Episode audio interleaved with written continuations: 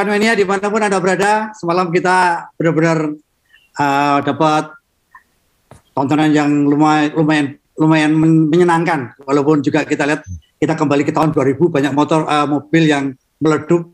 Ini baru pertama kali kita lihat ya mobil meleduk. Selama ini kita tidak pernah melihat sama sekali dan uh, ini menunjukkan bahwa Arab Saudi adalah negara yang paling kaya di dunia. Biasanya balapan malam itu pesta kembang api setelah balapan, tetapi di Arab Saudi dimulai latihan sudah ada kembang api dan sekarang sedang diselidiki ini yang melakukan pembakaran ini adalah uh, pemberontak atau supporter ultranya Aston Martin karena mereka kecewa dengan Aston Martin yang uh, dunia banyak tapi ternyata belepotan. Oke dan mumpung asli ketemu Asa ini karena ini Asa sibuk sekali teman-teman karena hari ini dia bersepeda. Kemarin bersepeda 300 kilo, uh, ini sepeda lagi. Jadi waktu kita mepet sekarang langsung kita tanya ke Asa dulu. Sa apa kabar dan bagaimana balapan semalam Sa? Ya, mohon maaf teman-teman, ini saya sedang di Semarang, tadi pagi ada acara, uh, bukan hanya sepeda Mas Yo, ada acara juga. Uh, habis ini masih ada meeting juga, cuman tadi malam tidurnya mepet juga karena balapannya tengah malam. Uh, untung yang setelah ini dua minggu lagi balapannya siang, jadi enak. Uh, sengsara emang kalau balapan tengah malam itu karena tidurnya hanya satu setengah jam dua jam dan harus menyiapkan moga-moga bahan yang cukup untuk untuk episode ini. Tapi memang benar Mas Yo, balapan tadi malam sangat menghibur. Jadi meskipun apa ya, meskipun dini hari uh, ya. ngantuk, tapi ya. ada saja kejadian-kejadian yang bikin kita melek gitu sampai akhir. Dan itu sampai akhir ya, sampai Okon dapat poin tambahan ya. Okon dapat tambahan dari dan apa namanya uh, benar-benar uh, sejak latihan qualifying ada dramanya, ada ceritanya uh, sehingga ini benar-benar awal era baru Formula 1 yang menurut saya sangat-sangat baik. Secara overall ya, saya nggak ngomong penggemar tim apa, tim apa, tim apa, penggemarnya Mercedes mungkin sekarang sedang stres dan nanti akan kita sampaikan konfirmasinya. Uh, yang jelas uh, kita menyaksikan dua balapan ini terjadi duel perebutan pimpinan lomba dan dua-duanya pertarungan yang seru dan ini pertanda baik untuk musim sisa musim ini. Dan kita sudah mulai kelihatan pattern walaupun hanya dua dua lomba, uh, makanya saya ngambil tema episode ini adalah top speednya Red Bull mengalahkan nikungnya Ferrari. Oke, okay. karena nanti tahan dulu, tahan, tahan dulu, tahan, ya. dulu, tahan dulu, tahan, tahan dulu. Ya. Kita dari awal dulu kita lihat hasil dulu. Ya. Uh, ya, kita mulai dulu, baru nanti kita lanjutkan, tahan. Oke, ini ya, teman. Jadi ya Max Verstappen penggemar Red Bull tadi malam menang uh, walaupun pole positionnya seharusnya Perez dan mungkin kalau sudah siap miniaturnya dia makanya ingin segera dibahas ini. Yang baru tuh ya. Baru. Ternyata lebih gede, lebih gede. Oke, Jadi Max Verstappen setelah gagal finish di Bahrain karena masalah Bahrain. suplai bahan bakar, ya. masalah itu segera diselesaikan Eh, dan Red Bull kembali mampu bersaing ketat dengan Ferrari. Ferrari dua-duanya kembali naik podium, Leclerc uh, hampir menang nomor dua, Sainz solid lagi nomor tiga, Perez yang paling atas mungkin pole position ya. tapi finish keempat, 215 ya. lomba baru dapat pole position. Uh, kemudian Russell uh, ternyata jadi Mister konsisten meskipun mobilnya uh, tanggung, tapi ya. dia kembali finish nomor 6 dapat banyak poin. Uh, kemudian Ocon, Alpine dapat poin lagi. Uh, ya. Norris pecah telur buat McLaren, dapat poin. Gasly dapat poin juga. Magnussen ya, ya. kembali dapat poin untuk Haas dan Hamilton setelah berjuang keras dan apes akhirnya tetap dapat satu poin. Jadi ini Sebentar. konfirmasi kalau tengahnya cendol dawet beneran ini. Sa, ini ya. uh, Hamilton dapat poin ini benar-benar dapat poin atau sumbangan dari Alonso dan dari Botas. ada sumbangannya, tapi juga ada apesnya. Jadi dua-duanya yang didapat. Jadi okay. kalau kita lihat klasemen, Leclerc karena setelah menang di Bahrain, runner up di Arab Saudi, 45 poin plus dapat fastest lap kan. Kemudian ya. Sainz masih nomor 2 33 dan Verstappen sudah 25 poin. Ya. Uh, Russell dan Hamilton 22 dan 16. Dua orang ini akan menarik kita perhatikan sisa musim. Ocon siapa tahu bisa konsisten. Perez mungkin agak lambat panas tapi nanti bisa naik ke atas. Magnussen luar biasa. Uh, ini luar kita biasa. akan bahas nanti ya efeknya ke Mick Schumacher ya. seperti apa. Botas seharusnya dapat poin juga tadi malam. Ya. Dan tapi uh, tapi um, mobilnya overheat sehingga harus diparkir daripada mesinnya rusak. Jadi tetap dapat poin yang dari Bahrain dan Norris pecah telur untuk McLaren. Uh, kemudian kalau kita lihat uh, konstruktor Ferrari agak jauh ya, 78 poin, ya, karena double podium terus. Mercedes ya. masih nomor dua, ya, tapi ya, hanya satu poin dari Red Bull. Alpine, Haas, Alfa Romeo, Alfa Tauri, McLaren ini yang cendol dawetnya, dan mungkin yang paling mengenaskan adalah Aston Martin dan Williams.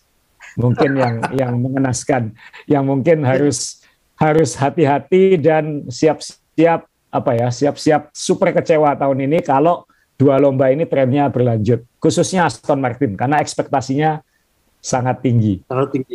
Ya. ya. Jadi ya kalau kita nah, ngomong ya tetap nah, di malam ya dua orang ini.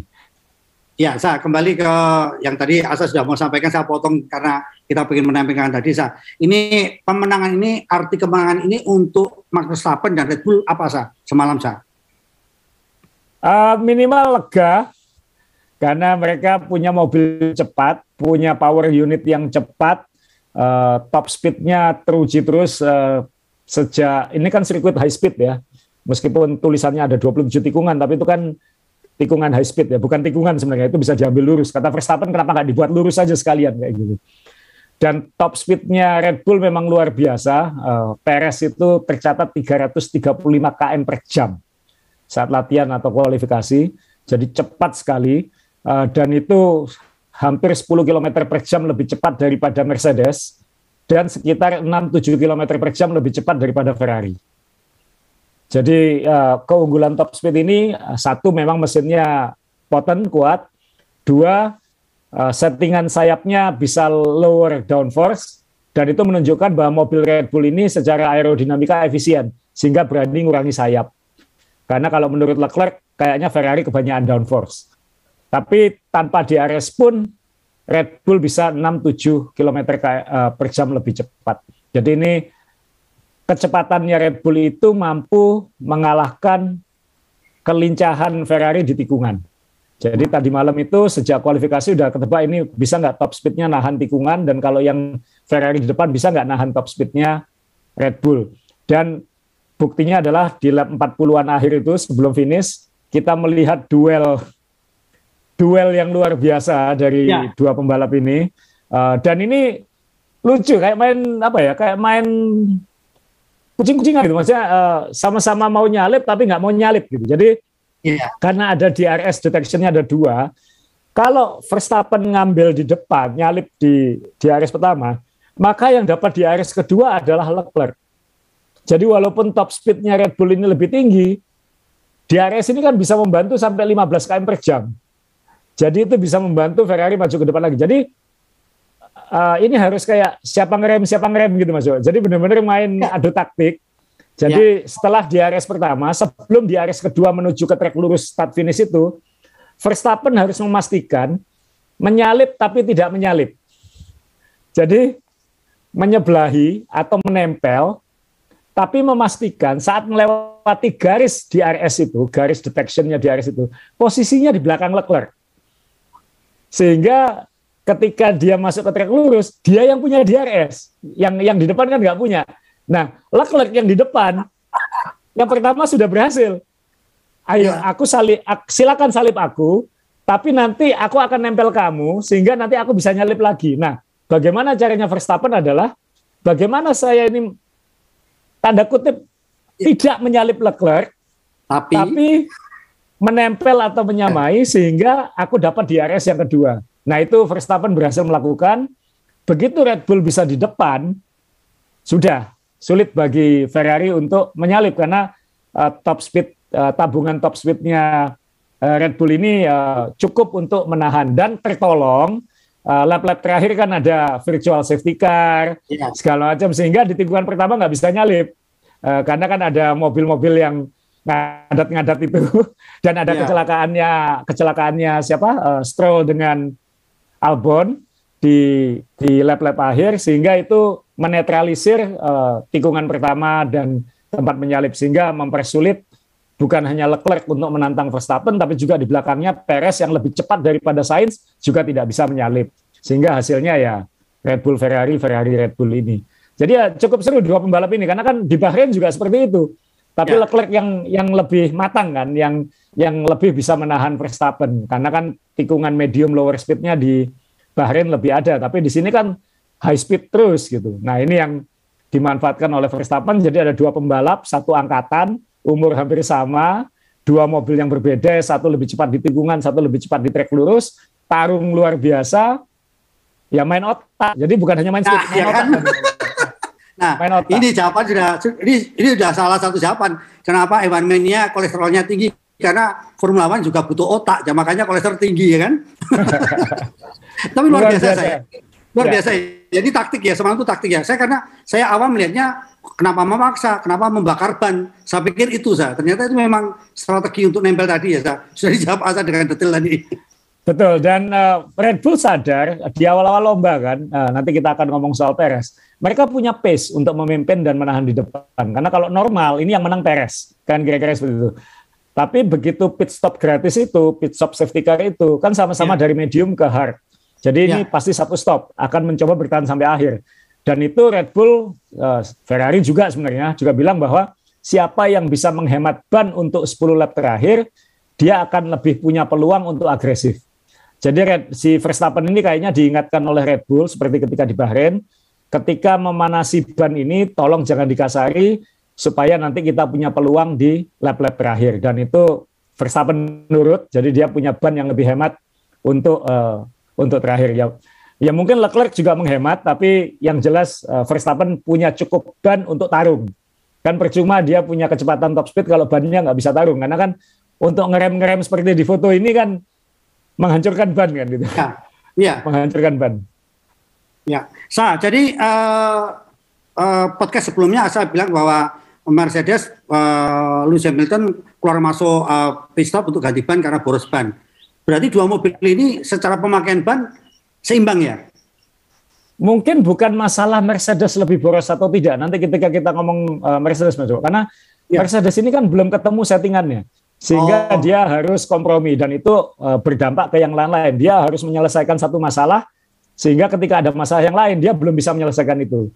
Tapi itu uh, nanti ketika kita bahas tentang uh, Mercedes. Mungkin uh, sebelum kita bahas ke Mercedes karena saya tahu banyak penggemar Hamilton yang sensitif.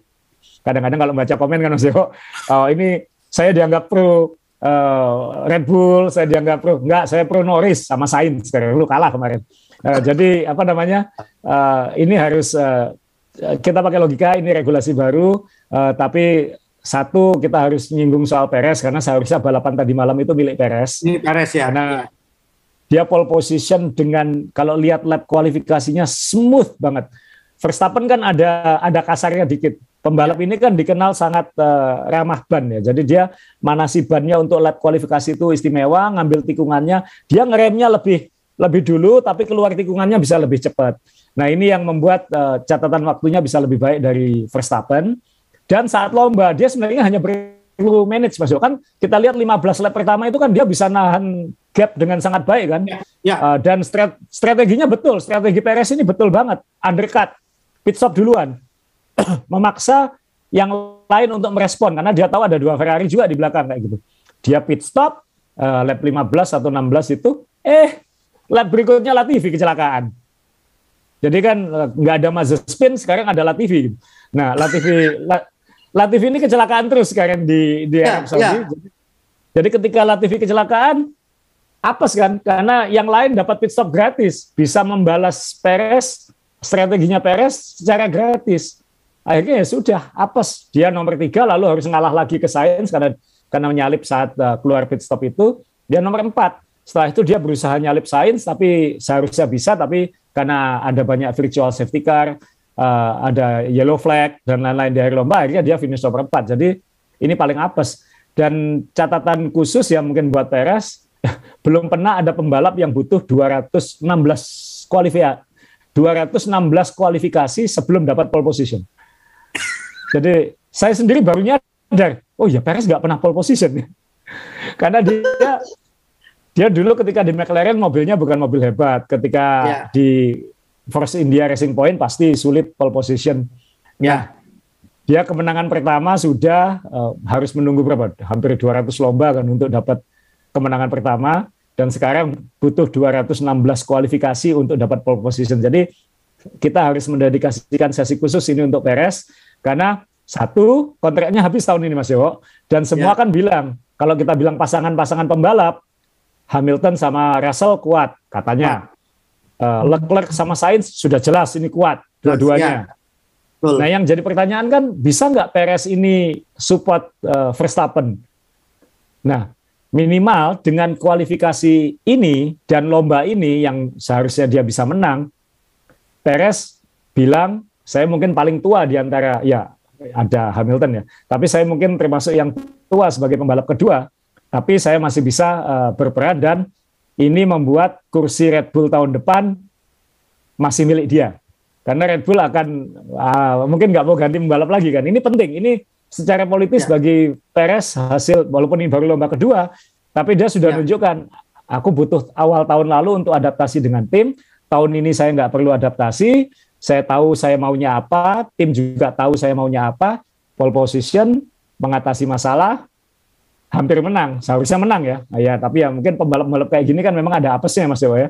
Kan kalau dia nggak apes mungkin dari dulu-dulu uh, menang banyak dan juara dunia, tapi ya nggak bisa menang. Kasihan, yang paling kasihan uh, Perez tadi malam. Karena begitu safety car itu, saya langsung mikir waktu itu, oh, orang kalau apes dia ya memang apes ya.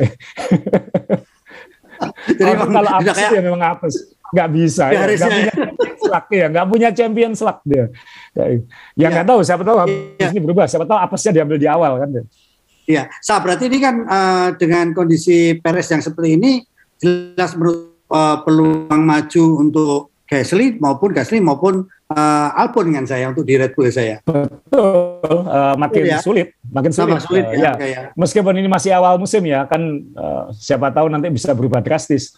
Uh, tapi udah makin sulit. Nah, dan Red Bull pasti nggak akan berani macam-macam musim depan kan. Dia tahu lawan-lawannya punya pasangan kuat. Kita pengen pasangan yang aman juga gitu untuk menemani Verstappen. Dan ini kan nggak akan berpolitik dengan Verstappen, nggak akan ganggu Verstappen. Kalau Gasly sama Albon mungkin masih punya ambisi jadi ini kan sudah aku nggak punya ambisi, udah aku aku bersyukur sekarang bisa di papan atas, kira-kira kayak gitu. Nah ini yang ya. uh, harus ada dedikasi khusus untuk Perez, uh, pole position, selamat. Kasihan kamu nak tidak bisa tidak bisa menang, uh, tapi dengan ini minimal saya yakin uh, dia bisa mencuri satu dua kemenangan di sisa musim ini. Apalagi dengan modal top speed seperti ini ya kan kita kalau lihat nanti ada Monza, uh, mungkin ada Mexico City tempatnya dia nanti ya ini ini peluang peluang baik lah gitu. Dan itu makin kabar buruk untuk yang ini. makin kabar buruk. Ya, tadi kita udah singgung uh, apakah satu poinnya Hamilton itu apes atau beruntung. Beruntung. Dua-duanya. Dua-duanya dibilang uh, apes dia sebenarnya bisa diuntungkan karena dia kan start pakai ban hard sehingga ketika yang lain pit stop itu di uh, lap belasan itu dia tidak pit stop sehingga dia ya. pada posisi ya, peringkat tujuh kalau nggak salah sempat sempat di sempat, peringkat ya. tujuh atau enam ya tujuh atau enam uh, dan dia hanya perlu menunggu momen untuk pit stop uh, dan sebenarnya momen itu muncul ketika uh, Alonso dan Ricciardo uh, mobilnya mogok kan apesnya mogoknya di pit lane di pintu masuk pit lane sehingga pit lane close pit lane yeah. close, dia nggak bisa masuk. Yeah. Kalau itu mogoknya di tempat lain, dia dapat pit stop gratis. Jadi ya nggak tahu itu itu ber, itu ya yang di atas bilang nggak kamu nggak boleh maju ke depan kamu memang waktunya di belakang. Nah itu yang yang apa sehingga dia ketika pit stop dia malah mundur lagi. Dan dia harus bekerja keras walaupun bannya lebih fresh tapi hanya bisa finish nomor 10 itu udah luar biasa karena dia startnya kan harusnya nomor 16 kemudian jadi 15 itu karena penaltinya Ricciardo dan kemudian uh, ya dia diuntungkan itu dan tadi uh, tidak perlu pit stop di awal. Sehingga Hamilton start gagal Q2 lalu harus tengah mati bertarung dengan Haas bukan hanya dengan itu dia juga harus bertarung dengan pembalap-pembalap yang seharusnya dia tidak tidak bertarung sementara Russell ya sementara Russell itu ini saya tampilin Russell. Russell sendirian di depan kayak nggak ada lawan yang di depan kejauhan, yang di belakang kejauhan. Ya. Ya. Nah ini kan nanya, kenapa kok Russell saat qualifying Russell bisa lolos Q2 bahkan bisa uh, start yang bagus sementara Hamilton enggak. Ada yang bilang begini Mas Dewo, saya pikir benar juga ini. Russell ini kan terbiasa dengan mobil yang jelek, sehingga dia dia terbiasa nerimo dengan mobil yang nggak bagus, sehingga ya. dia ya udah ini mobilku ya aku maksimalkan seperti ini. Sementara Hamilton sejak tahun 2014 selalu dapat mobil yang yang kuat, yang yang bagus banget, yang tidak perlu tidak perlu kerja keras untuk menjadikan mobil itu cepat. Cepat ya. ya tapi ya kerja keras dia juga bikin mobil itu cepat. Cuman uh, dia tidak perlu berkutat dengan mobil yang ewel gitu. Sudah beban ya, sudah beban, ya nggak mikir gitu ya. Iya, antara, dan antara Russell bisa beradaptasi lebih baik atau Hamilton sudah makin nggak tahu harus bagaimana karena Hamilton bilang begini, kita mencoba set, arah settingan yang itu bekerja dengan baik saat latihan, tapi ketika arah settingan itu kita teruskan, hasilnya malah lebih buruk. Dia bicaranya seperti itu. Berarti kan dia masih bereksperimen dengan settingan. Belum menemukan. Dan ini memang mobil ini, ini sudah nggak usah ngomong soal uh, no side pod atau big side pod, Mas Jawa. Ini ini mobil punya masalah fundamental menurut saya sudah mulai orang bilang karena Bahrain dan Arab Saudi dua sirkuit yang karakternya berbeda kok mobil ini masih berkutat, masih cepat, buktinya masih bisa finish di belakang uh, Ferrari dan Red Bull. Ferrari dan, tapi ya. mobil ini, ya, tapi mobil ini uh, punya masalah dan masalahnya memang perpoising itu ya. Uh, uh, dia tidak stabil di di track lurus di top speed dan lain-lain sehingga menyulitkan uh, pembalapnya untuk tenang karena cara untuk stabilin itu adalah dengan dinaikkan Mas Yo dengan ditinggikan mobilnya. Mobil kalau iya. ditinggi, ditinggikan, downforce-nya berkurang. Kalau downforce-nya ya. berkurang, tidak bisa dikompensasi oleh sayap depan, tidak bisa dikompensasi oleh sayap belakang, tidak bisa dikompensasi oleh bodi, sehingga makin sulit menemukan setelannya. Sehingga kalau Mercedes tidak menemukan solusi proposing ini, dua pembalapnya akan terus kesulitan menemukan settingan yang yang pas. Ada yang bilang begini Mas Dewa, dan ini analisis yang bagus juga. Masalahnya bukan sekedar bukan sekedar aerodinamika tapi juga suspensi. Kayaknya uh, tim Mercedes ini tidak bisa menemukan setelan suspensi yang bisa mengkompensasi porpoising itu. Nah, tim-tim lain menemukan caranya dengan ya saya nggak tahu apakah itu uh, pull rod push rod atau geometri uh, geometri suspensi. Tapi ini masalahnya adalah antara suspensi dengan aerodinamikanya nggak terlalu sinkron. Sehingga ketika milih ke arah sini jadinya begini. Ketika milih ke arah sini jadinya begini. Jadi ini mobil yang kayak jalan di atas tali jadi. Dan itu akan butuh waktu untuk uh, untuk uh, membenahi dan itu khawatirnya kalau memang problemnya fundamental pada filosofi desain mobilnya bisa setengah musim. Karena kan balapannya lumayan padat. Ini bersyukur ada dua, dua minggu, tapi kan dua minggunya nggak balik ke Eropa. Habis ini kan ke Australia. Aku langsung Australia langsung Australia. Uh, ya meskipun mungkin pembalapnya pulang dulu ke Inggris atau apa, tapi kan secara logistik, secara pasukan manusianya kan nggak nggak bisa kayak gitu. Nah ini yang yang kita harus uh, harus lihat nanti. Ini uh, uh, yang jelas panik belum, masalah ya, panik belum, masalah ya. Tinggal iya. bagaimana uh, bagaimana memaksimalkan yang ada, meminimalisasi uh, ketinggalan poinnya kalau nanti 4, 5, atau 6 lomba ternyata masih bermasalah, ya mungkin goodbye 2022 ini milik Ferrari dan Red Bull. Itu yang ya. yang anu. Maksudnya ya. kalau kita melihat foto ini, ya kalau ya. kita lihat foto ini kan dulu ini overlap Mas Dewo. Ya, makanya saya mau tanya Asa ini. Perasaan Asa ya. ketika nonton ini, ya, ketika nonton ini, ya. itu kan kalau saya terus terang tepuk-tepuk uh, pipis ah bangun bangun bangun. Ini tahun berapa ya? 2021 kan nggak mungkin. Yeah. khas dengan khas dengan yeah. Mercedes bisa jual beli uh, di trek lurus. Uh, perasaanmu ya, gimana? semalam berarti ini gimana ya uh, aneh ya karena kan ini dekade berapa ya? Kan uh, ini benar-benar ya regulasi baru ini ternyata Mercedes yang tidak bisa uh, menyesuaikan yang cepat ya. adaptasi ya, ya itu ya. itu luar biasa juga menurut saya. Uh, dan Red Bull mungkin walaupun tahun lalu bersaing begitu ketat, dia tahun ini tetap menemukan filosofi mobil yang yang kompetitif. Pas, dan ternyata ya. dan Ferrari uh, dan ini ada masalah juga. Jangan-jangan mesinnya Mercedes juga nggak kompetitif, Mas Yo. Karena kalau kita lihat finisher finisher bawah itu mesin-mesin Mercedes bermasalah semua. Nah, ini apakah itu masalah sayap, downforce atau mesin? Nah ini kita lihat lagi nanti. Kalau nanti di Australia yang tidak terlalu top speed street circuit kan, eh, mobil-mobil ya. Mercedes masih di belakang, wah ya itu berarti mesinnya memang eh, overall bermasalah lah, kira-kira kayak gitu. Dan itu pertanda buruk buat McLaren, tim favorit saya, pertanda buruk untuk Aston Martin, pertanda buruk untuk Williams. Ya, kan agak konyol juga. Kenapa ya? Konyolnya gimana? Agak konyol, agak konyol aja tim kayak Aston Martin, McLaren nggak bisa kompetitif tuh agak konyol aja. Sedangkan Haas dan Alfa Romeo yang tahun lalu pupuk bawang, ya. yang paling bawah, ya. sekarang wah dia di wah, iya, bisa bersaing. Kabur sombong sekarang sombong semua kabur. Gila kan? Semalam saya lihat Botas, bagaimana Botas? Oh, tadi malam Waduh. kan Botas kan? Kasihan ya, itu masalah masalah cooling, jadi uh, belum rusak mesinnya, tapi tim menyatakan udah matikan aja daripada rusak. Kalau rusak nanti ganti mesin malah bermasalah. Udahlah kita ngalah aja di sini matiin aja mesinnya. Ya. ah, sorry tadi saya potong itu saya mau bertanya ini saya. Tadi saya potong gini saya. Berani nggak sekarang asa taruhan sekarang ini antara Russell dengan uh, berani ya? Nggak usah jauh-jauh. Russell dengan Lewis ya. Hamilton. Ya. Jauh, milih, milih siapa tahun ini? Russell Masih Lewis Hamilton. Masih Lewis ya. Hamilton. Russell. Masih Lewis Hamilton. Ya. Enggak, enggak, Lewis Masih. Hamilton. Oke. Okay. Oke. Okay.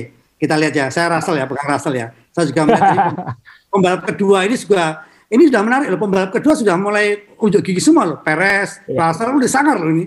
Uh, ya. Sainz juga. Harus, harus diingat Mas Dewo. Ya. Kalau misalnya Hamilton nanti sudah menemukan setelannya dan dia sudah tahu caranya, dia akan uh, lebih punya pengalaman, dia sudah ter, teruji, ya moga-moga uh, tidak bosan bersaing di depan.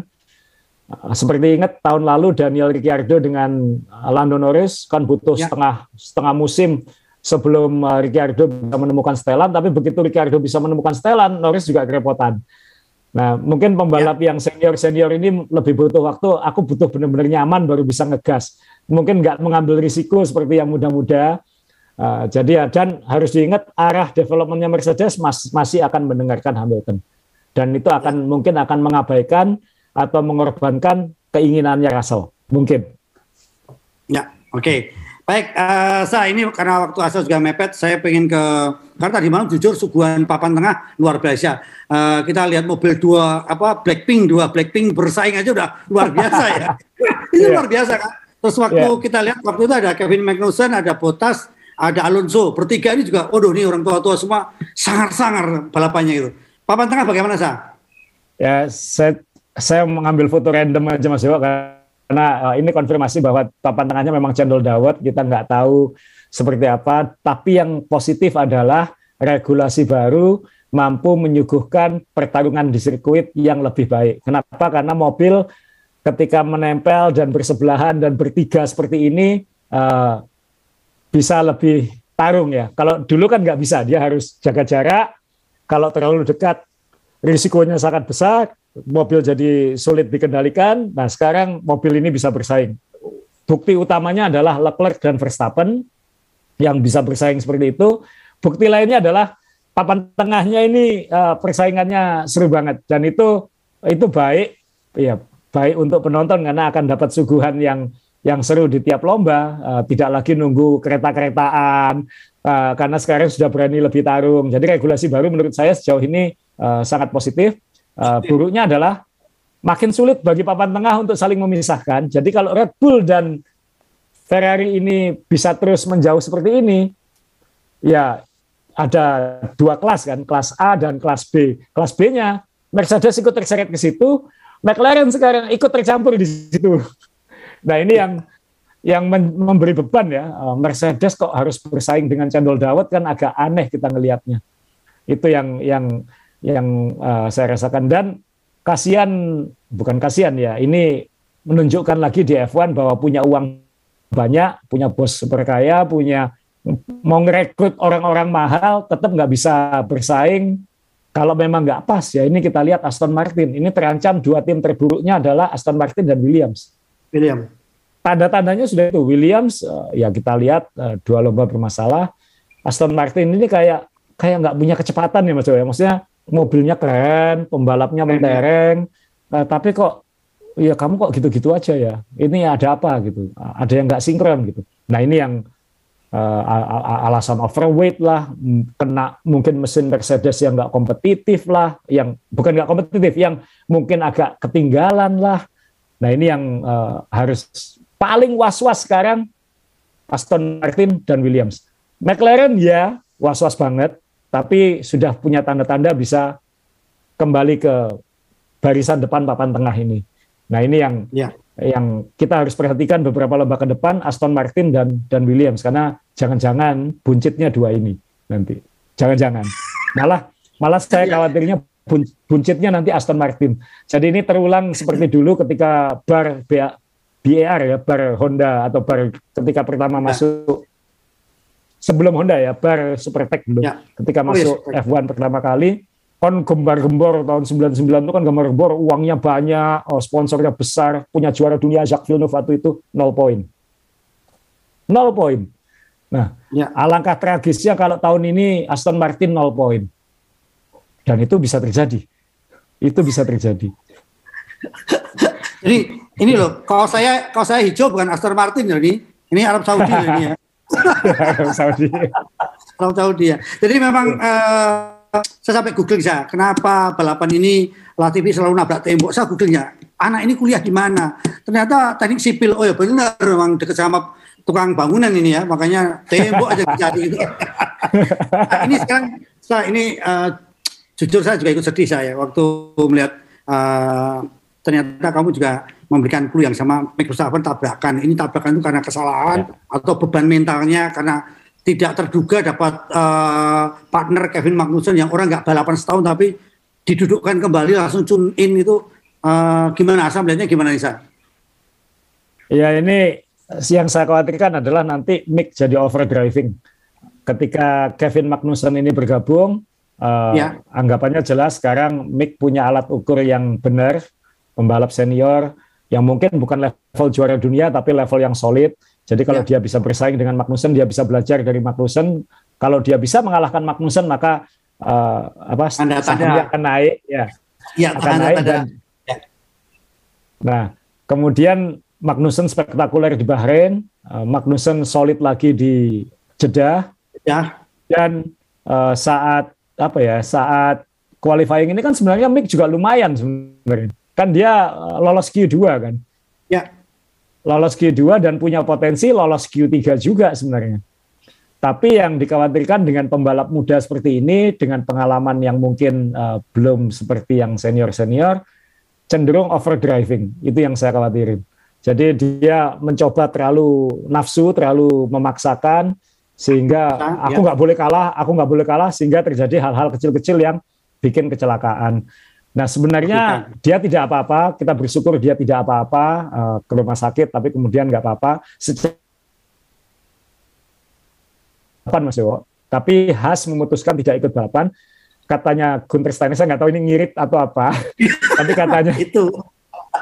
katanya Gunter Steiner, kita sebenarnya bisa uh, bekerja keras untuk merakit mobil ini supaya dia bisa balapan, tapi itu akan berdampak ke lomba berikutnya di Australia. Walaupun Australia dua minggu lagi, karena kalau nanti terjadi sesuatu lagi, nanti kita kekurangan komponen untuk yang Australia, sehingga memutuskan sudahlah uh, satu mobil saja. Uh, ya ini pelajaran buat Mick, jangan jangan yeah. bikin kesalahan. Toh dapat poin dari Magnussen nggak masalah. Uh, dan kita memastikan punya dua mobil yang sehat nanti di Australia. Jadi ya ada ngirimnya juga ini apa pun ini tim yang masih lebih kecil dari kebanyakan. Jadi uh, ya bahasanya ya kita bisa merakit tapi sebaiknya enggak. Kan itu bahasanya eman. Itu penghematannya penghematan Sa, tapi ini kan uh, uh, onggokan atau rongsokan mobil ini juga cukup mempermalukan uh, Hamilton kan posisinya kan cuma masih di depannya Hamilton kan dengan mobil tidak ikut betul. betul. Sedih kan? Betul. Sedih. Ya Jadi kalau Iya kan. Jadi ya, kalau ya, siapa yang siapa yang siapa yang nyangka Hamilton nggak lolos Q3 itu itu kejutan terbesar, iya. itu kejutan lebih besar daripada Perez pole position. Oke, okay. ada lagi tambahan untuk uh, uh, Mick ya, karena dia juga digadang-gadang beban berat uh, tinggal nanti kita lihat kalau Mick ini memang tadi saya bilang bisa mengalahkan Magnussen berarti dia memang DNA-nya ikut bapaknya tapi kalah ya DNA ikut ibu gitu kan. Enggak gini Mas Yo. Uh, kan harus diingat dia ini juniornya Ferrari. Jadi ya. jalurnya dia seharusnya ke Ferrari. Ya. Leclerc punya kontrak jangka panjang. Sains katanya sudah menyepakati perpanjangan. Jadi tinggal teken aja. Itu berarti kan tahun depan nggak mungkin ke Ferrari. Ya. Dua tahun lagi belum tentu ke Ferrari. Ya. Berarti kan dia harus benar-benar tahun ini dia harus benar-benar menunjukkan supaya kalau memang pintu ke Ferrari itu uh, sulit, aku harus siap membuka opsi ke uh, tim papan atas ya. lain. Harapannya seperti itu. Kalau Has tidak bisa naik ke atas.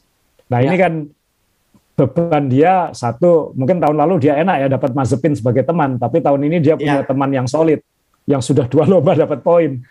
Nah ini kan kalau dia nggak segera dapat poin, apalagi kalau nanti di Australia juga bikin kesalahan lagi seperti ini, orang kan mulai bertanya, hmm kamu kayak ibumu kayaknya mungkin. Nah itu kan uh, saya nggak tahu ibunya jangan-jangan juga jago balapan kita nggak tahu. Nah ini ya. Bukan berarti merendahkan ibunya. Bukan ini DNA aja kita ngomong DNA aja gitu karena karena kalau iya. bapaknya kan jelas juara dunia berkali-kali. Yeah. Nah semalam yang saya amati adalah uh, tulisan yang ada di radio jadi kalau ada uh, komunikasi radio saya belajar mencoba menerjemahkan dalam bahasa Indonesia walaupun berat itu kan ternyata memang benar ya. Semua pembalap semalam itu sopan santun nggak ada lagi yang misuh-misuh kan. Karena tahu balapannya di Timur Tengah jadi yang di di negara di mana banyak norma itu diutamakan. Jadi semalam saya lihat tulisannya bagus-bagus makanya Sunoda bilang enak ya jadi orang Surabaya kalau misuh dimarahi bisa diganti dengan kata buah-buahan. Tinggal jambu gitu kan. Marahnya agak berat jambu kan? Marah lagi. Jambu sekalian loteknya atau rujaknya gitu kan? Kalau Surabaya sudah itu. Semalam sopan semua. Nah ini balapan di Australia. Uh, mungkin gambaran saja kecil karena nanti mungkin karena seminggu kita juga akan kembali kita ngobrol lagi. Tapi sebelum ngomong Australia kita masih punya waktu sah kira-kira masih bisa improve nggak nih tim-tim ini? Kalau kita lihat dari yang Bahrain Bahrain kemarin uh, bagaimana kemarin di Jeddah uh, McLaren juga langsung meningkat gitu kan. Banyak peningkatan-peningkatan gitu. Ini kira-kira di Australia asal melihatnya nanti ini semua bisa berkembang nggak nih tim ini dengan cepat dua minggu? Uh, kalau berkembang pesat mungkin nggak terlalu, tapi ada tim-tim yang punya kemampuan ekstra ya, yang pasti yang papan atas uh, dan mungkin yang desperate, mungkin seperti Aston Martin, mungkin seperti McLaren, mungkin akan uh, memaksimalkan markasnya untuk apa ini yang bisa kita lakukan untuk uh, membuat mobil kita minimal lebih baik kalau tidak melonjak ya minimal lebih baik di Australia nanti. Ya. Uh, Australia bukan sirkuit high speed, uh, itu sirkuit jalanan. Uh, jalanan ya. tuntutan downforce-nya ya tidak terlalu high downforce juga. Nah ini harusnya kalau bisa menyelesaikan uh, masalah khususnya perpoising, apalagi itu sirkuit jalanan ya lebih bumpy, ya moga-moga uh, bisa bisa improve. Tapi kalau untuk benar-benar improve kayaknya harus menunggu sampai Eropa karena lebih dekat dengan markas, komponen bisa lebih cepat di, dikirim, personel bisa lebih cepat uh, tukar-tukaran personel kalau ada apa-apa. Uh, nah ini yang yang harus kita tunggu ya berarti nanti apa San Marino kan kita baru mungkin lihat update apalagi San Marino Imola itu sirkuit uh, Imola ya, bukan San Marino. San Marino nama lamanya kan Grand Prix San Marino, tapi sirkuitnya Imola. Uh, jadi Imola nanti mungkin uh, akan jadi alat ukur lebih baik karena itu sirkuit downforce lebih uh, berperan, itu sirkuit tradisional naik turun meliuk-liuk sehingga uh, mobil normal mobil F1 akan terukur di situ. Kemudian kalau nanti ke Barcelona akan lebih terukur lagi.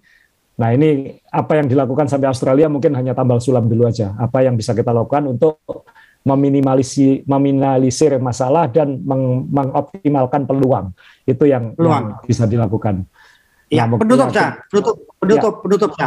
Uh, penutup satu saja. Uh, ya. Tadi kita hanya ngomongin mesin Ferrari, mesin Mercedes. Kita ada ya. Alpine yang tadi malam juga kelihatan luar biasa gitu.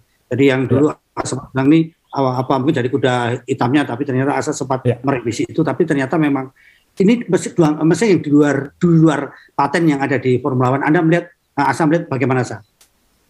Ya ini saya lihat sih ada baik sih. Dalam artian gini Mercedes kita ngomong lemah ini kan bukan berarti lemah tidak jomplang sebenarnya. Jadi gap antara satu mesin dengan yang lain ini uh, tidak terlalu jauh. Tapi mungkin Ferrari bisa menyesuaikan diri lebih baik dengan uh, bahan bakar baru ya etanol 10% itu. Mungkin Mercedes agak mungkin agak terlena dalam beberapa tahun terakhir sehingga dia oh, tidak nyadar kalau pesaingnya mungkin melejit. Uh, mesin Red Bull, Honda uh, ya. Menunjukkan power yang luar biasa. Uh, sayang nama Honda sudah nggak ada lagi di situ. Uh, HRC. Uh, kemudian uh, Alpine kan juga nggak buru-buru amat, uh, meskipun masih ada kendala-kendala ketahanan mungkin di situ. Uh, dan kalau ini empat mesin ini relatif seimbang itu baik untuk beberapa tahun ke depan karena kan mulai bulan Maret kan sudah engine freeze ya, sudah mesin ini sudah tidak boleh dikembangkan. Boleh dimodifikasi dengan alasan reliability yang itu akan digunakan untuk tim-tim oleh tim-tim untuk menambah performa sebenarnya, tapi dengan dalih uh, ketahanan. Uh, tapi kalau empat mesin ini relatif imbang, maka kita akan menyaksikan uh, empat tahun ke depan uh, tidak akan terlalu jauh perbedaan antara satu tim dengan yang lain dan itu makin cendol dawet, makin seru, makin makin baik. Sama seperti waktu zaman uh, V8 sebelum 2014 kan, itu kan uh, sempat sangat imbang itu antara Renault waktu itu, Mercedes, uh, uh, Ferrari. Jadi sempat semakin lama regulasi ini stabil, semakin semakin mirip performa semuanya Eh, dan itu akan baik. Memang tahun ini ada regulasi baru soal mobil, tapi regulasi mesinnya kan belum berubah banyak.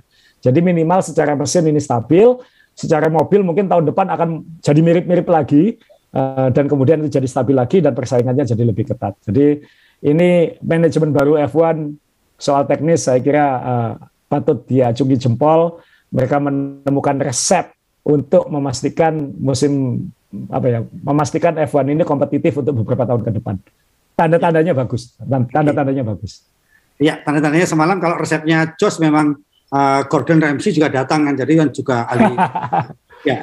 Dan mungkin uh, itu tadi, mungkin itu konsultan Gordon Ramsay itu mungkin konsultan bahan bakar Bro. karena kan pakai pakai alkohol etanol. Oke, okay, benar-benar. Ya, uh, tadi saya setuju dengan Asa kenapa Honda harus meninggalkan karena Honda mungkin trauma waktu di McLaren dulu kan soal ketahanan mobilnya kacau sekali, kecepatan kacau sekali, makanya sebaiknya waktu di McLaren dulu namanya HRC itu tepat. Kan singkatan dari harap harap cemas. Tapi kalau sekarang ini udah paten aja Honda, ya pasti Honda gitu kan sekarang gitu. Iya.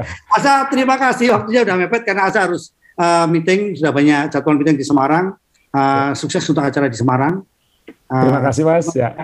Teman-teman yang di belakang Asa juga terima kasih kerja kerasnya karena ternyata memang nyari sinyal di sana juga gampang gampang-gampang susah. Jadi teman-teman tadi kalau kita lihat, waduh ini luar biasa. Terima kasih atas kerja kerasnya, sehat selalu.